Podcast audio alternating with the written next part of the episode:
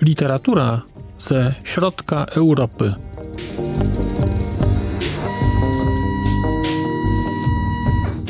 Podcast około książkowy. Dzień dobry. Witam Państwa. Marcin Piotrowski, podcast Znak Litera Człowiek, literatura ze środka Europy. Zapraszam Państwa do wysłuchania kolejnego odcinka, do kolejnego spotkania z literaturą. Dzisiaj spotkamy się z literaturą ze Słowacji. Spotkamy się z bardzo oryginalną powieścią, chociaż nie wiem, czy jest to powieść, chyba powieść, oraz z bardzo młodą twórczynią, bo mowa tutaj o książce Tego pokoju nie da się zjeść. Książce, której autorką jest Nicole Chocholcerowa. Autorka urodzona w roku 99, czyli bardzo, bardzo młoda. Książka ukazała się w Polsce w roku 2023 nakładem krakowskiego wydawnictwa H-Art. Przełożył tę książkę pan Rafał Bukowicz, a książka w roku 2022 była na Słowacji nominowana do nagrody Anna Soft Litera, to jest główna słowacka nagroda literacka, i trafiła tam do pierwszej piątki. Co jak na rzecz debiutancką, bo to jest debiut Nicole Chocholcerowej, no to trzeba powiedzieć szapoba. Książka jest książką bardzo nietypową i bardzo poruszającą. Można byłoby powiedzieć, że jest to powieść, krótka powieść bardzo, powieść o pedofilii i powieść o manipulacji. Ale nie wiem, czy słowo powieść jest tutaj odpowiednie. Nie są to też opowiadania, dlatego że utwór tego pokoju nie da się zjeść, bo chyba tak o tym, co przygotowała Nicole Holcerowa, bym mówił. Utwór. To jest utwór specyficzny i pod względem poruszanej tematyki, i pod względem formalnym. No ale zacznijmy od tematyki, zacznijmy może o czym jest ta książka. Mówiąc wprost, jest o relacji pedofilskiej 50-letniego nauczyciela rysunku i jego 12-letniej uczennicy. I zasadniczo to jest koniec. Można byłoby powiedzieć, że to wszystko. Natomiast byłaby to tylko część prawdy. Bo jest ta książka przede wszystkim książką o tym, jakie zmiany, jak niszczycielska jest taka relacja relacja oparta o manipulację, o wykorzystywanie, o wykorzystywanie seksualne, ale także wykorzystywanie emocjonalne młodej osoby. Historia, którą pokazuje Nicole Chocholcerowa, to jest historia, która dzieje się na przestrzeni kilku lat, chyba sześciu. Ale teraz, żeby dobrze to wszystko wyjaśnić, Dwa słowa muszę powiedzieć o formie książki. To jest rzecz niedługa, bo to jest 150 stron. To znaczy 150 stron ma książka. Tekstu jest znacząco mniej. Dlatego, że takie rozwiązanie formalne, które jest tutaj przyjęte, jest takie, że na jednej stronie zawarta jest jedna myśl, jeden wątek, jedno zdarzenie. Czasami ta strona jest cała wypełniona tekstem, bo jest tam trochę więcej czegoś opisanego. Czasami mamy tekstu na dwie trzecie strony, czasami na jedną piątą, a czasami są to pojedyncze zdania. Ja się zastanawiałem, dlaczego taka forma jest przyjęta, i dopiero w którymś momencie zauważyłem nagle, czytając, że u góry strony jest jakaś dziwna numeracja. Zacząłem szukać e, po tej książce jakiegoś wyjaśnienia, no bo nagle raz było tam 12, potem 50, potem 55. Nie wiedziałem o co chodzi, zacząłem szukać czegoś. I to jest tak zrobione, że co jakiś czas, bardzo dyskretnie, u góry strony pojawiają się numery. Te numery określają wiek bohaterki, określają to, co ona mówi, jak ona się w tym związku odnajduje w różnym wieku. I coś, co zaczyna się relacją dwunastolatki, próbą skuteczną poderwania dziewczynki jeszcze przez jej nauczyciela rysunku, rzeźby, ale chyba tu mówimy o rysunku. To się wszystko później zmienia, to się wszystko rozsmarowuje w czasie. I później zrozumiałem też, że konstrukcja wizualna tej książki jest taka, a nie inna, bo ta pusta przestrzeń też mówi. Ta pusta przestrzeń też pokazuje i upływ czasu, i znaczenie danego zdarzenia, podkreśla pewne rzeczy. Wydaje mi się, że to jest bardzo dobrze zaprojektowane. Ciekaw jestem, nie wiem, nie sprawdziłem tego, czy autorką tego rozwiązania typograficznego, całego układu typograficznego książki jest sama autorka, która studiowała projektowanie wizualne w Bańskiej Bystrzycy bodajże i wtedy miałaby, że tak powiem, własną refleksję dotyczącą tego, jak ta książka powinna wyglądać. Czy robił to ktoś inny? Nie wiem. Natomiast efekt jest bardzo dobry, bardzo mocny, bardzo wzmacniający niektóre rzeczy. Na takim blurpie, który jest albo na czwartej stronie okładki, albo na którymś ze skrzydełek, jest taki tekst, że to jest książka do przeczytania w jeden wieczór, ale że zostaje na dłużej i żeby przepracować to, o czym mówi, to potrzebujemy więcej czasu. Zgadzam się, potwierdzam w całej możliwej rozciągłości to, co tam pada. To rzeczywiście tak jest. Od strony technicznej czyta się tę książkę bardzo szybko. Te kartki przelatują, bo w tego pokoju nie da się zjeść. Nie ma bardzo dużo tekstu.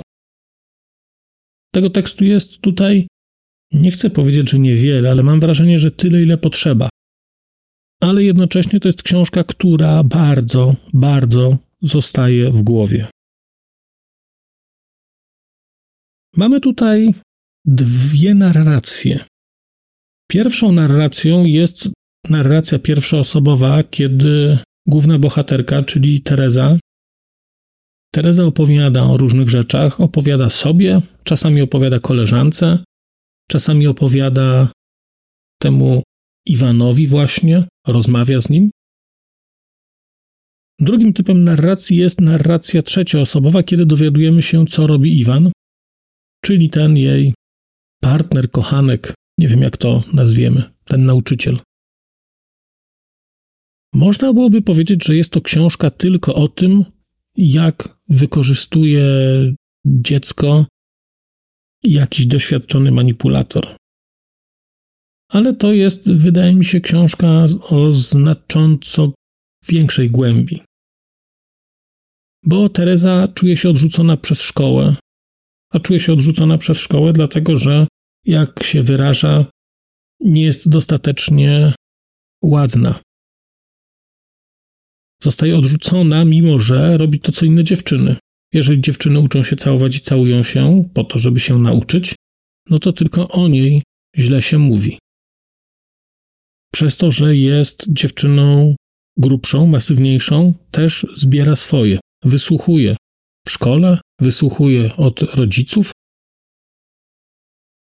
I jedyną osobą, która wyraża zainteresowanie nią, jedyną osobą, która wyraża w pełni akceptację, jest właśnie Iwan. I nie jest tak, że dziecko szukało czegoś.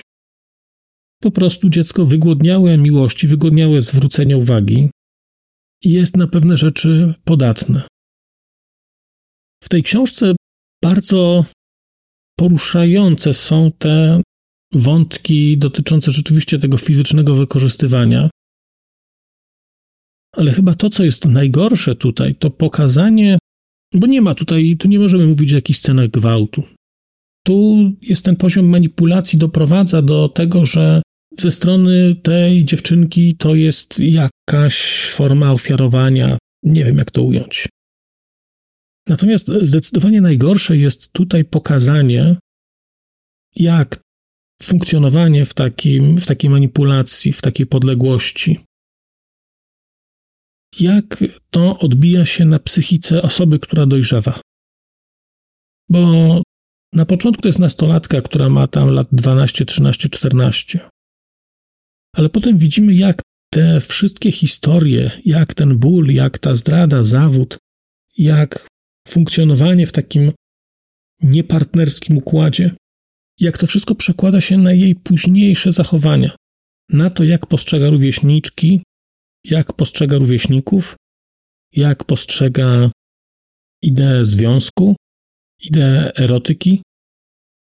To są rzeczy, za które płaci się w przyszłości bardzo wielką cenę. I to tutaj widać. I to widać, jak zmienia się forma narracji w tej książce, kiedy główna bohaterka dojrzewa.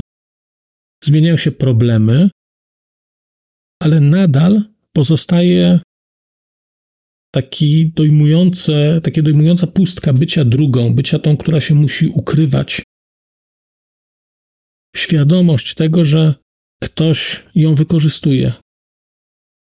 Z drugiej strony dochodzi też do sytuacji, w której nawet akceptuje ten fakt i nie chce odchodzić. No bo w sumie nie jest najgorzej. Nicole Chocholcerowa napisała książkę o manipulacji, o sterowaniu, o zależności, o tym też, jak brutalnie wykorzystuje to społeczeństwo. Bo rodzice Terezy wiedzą o tym, co się dzieje. Wiedzą o tym, ale nie reagują. Którymś momencie zaakceptowali ten fakt. Uważają, że chyba jej córce nie dzieje się krzywda. Funkcjonuje zasada don't ask, don't tell. Ona nie mówi, oni nie pytają. Sprawy jakoś się mają. Teresa mówi, że jej ojciec najchętniej, najchętniej to by go pobił, ale ze względu na nią tego nie robi, po prostu jakoś zaakceptowali fakt, ale nie zaakceptowali go do końca, no bo oni nadal muszą się ukrywać. Bardzo poruszająca jest ta książka. I ona jest interesująca na poziomie samej koncepcji, bo kiedy słuchałem jakichś wywiadów z autorką, to wspominała, że po tej książce sporo osób się do niej odzywało i mówiło, że te obserwacje, które tutaj zawarła, to były bardzo trafne obserwacje, że to rzeczywiście tak funkcjonowało. Czy że rzeczywiście to tak funkcjonuje? Że te obserwacje są dobrze ugruntowane, niestety. Natomiast zwróciłbym Państwa uwagę też na formę tej książki. Jest ten język językiem bardzo naturalistycznym. Z jednej strony takim naturalizmem początkującej nastolatki, która patrzy bardzo naiwnie na świat jeszcze, a z drugiej strony to wszystko się zaczyna zmieniać. I wydaje mi się, że to jest chyba najsilniejsza rzecz w tej książce. Z jednej strony, oczywiście, tematyka i poruszenie istotnego problemu. Natomiast jest to zrobione w sposób bardzo, bardzo wysmakowany. Nawet jeżeli gorzki, nawet jeżeli wychodzący poza kanony tego, jak mówimy o pewnych rzeczach, to jednak na poziomie językowym bardzo, bardzo to jest dobrze zrobione. Różne osoby mówią w różny sposób, są różne sposoby narracji, czasami jest to monolog, czasami są to SMS-y, czasami jest to monolog z koleżanką, czasami to są wspomnienia. Świetnie skomponowane i na dodatek ustawione tak, że każda z tych osób mówi trochę inaczej, która się tu pojawia. Wydaje mi się, że w tym kontekście też warto wspomnieć o przekładzie, czyli o pracy pana Rafała Bukowicza, który to przekład wydaje mi się, że dobrze to oddaje. No, nie czytałem książki w oryginale, oczywiście. Natomiast y, wierzę, że przekład to oddaje, bo no chyba, że jest to po prostu inwencja tłumacza, ale nie sądzę, żeby to było do, do tego stopnia. Bardzo żywy język, bardzo prawdziwy, bardzo współczesny język, bardzo trafne obserwacje, no i bardzo gorzka książka. Bardzo gorzka książka, bo trochę chyba nie dająca za bardzo nadziei, bo mimo, że Teresa dojrzewa, mimo, że Teresa wychodzi z domu, zaczyna już gdzieś indziej naukę, to pewne rzeczy są w niej już zniszczone. No i, no i ta książka pokazuje dlaczego. Jednocześnie pokazuje, że w przypadku Iwana prawdopodobnie nie był to jedyny taki przypadek, bo sposób, w jaki odnosi się do swojej córki, która mieszka i pracuje w Hiszpanii, to jak on ją postrzega, to jak to, co musi odgrywać dla niego Teresa, pokazuje, że wcześniej podobne sytuacje prawdopodobnie rozgrywały się w czterech ścianach tej konkretnej rodziny. Więc jest to trochę takie no, co najmniej podwójne oskarżenie systemu, który przyzwala na tego typu rzeczy. Polecam Państwu, tego pokoju nie da się zjeść. Niepokojąca literatura, bardzo ciekawa stylistycznie, formalnie. Pan, proszę pamiętać, że to jest książka, którą napisała 22-latka. Na okładce znajdziecie Państwo zdjęcie na skrzydełku właściwie okładki jest zdjęcie autorki, ale ono jest podstylizowane. Jeżeli zajrzycie sobie na YouTube'a i zajrzycie sobie, poszukacie Nicole Chocholcarowej, to zobaczycie bardzo młodą osobę. Bardzo młodą osobę, właściwie studentkę, początkującą studentkę. Pytanie jest, niestety jest pytanie, do jakiego stopnia te historie opisane tutaj gdzieś są inspirowane także życiem autorki. Mam nadzieję, że nikle bo nikt nie zasługuje na tego typu historię w rzeczywistości. To tyle z mojej strony. Bardzo dziękuję Państwu za uwagę. Zachęcam do poczytania. Żegnam się dzisiaj. Do usłyszenia. A już zupełnie na koniec powiem, że skoro wysłuchaliście Państwo tego odcinka, to w jego opisie znajdziecie link do serwisu YouTube. W wersji YouTube'owej e, jest miejsce na skomentowanie go. To jest takie miejsce, gdzie można komentować ten odcinek, rozmawiać, zadawać pytania, wymieniać się spostrzeżeniami, do czego Państwa bardzo zachęcam, gdyż udało się już na tym YouTubie zgromadzić trochę bardzo ciekawych osób, bardzo ciekawych komentarzy i trochę stworzyć taką społeczność ludzi rozmawiających o książkach. Też na koniec, zupełnie na koniec, e, poproszę Państwa o wystawienie oceny mi w ramach e, tych platform podcastowych, na których Państwo tego odcinka wysłuchaliście. I nieważne jaka ta ocena będzie, istotne dla mnie po prostu, że będzie. Tymczasem się żegnam już naprawdę i do usłyszenia za czas jakiś.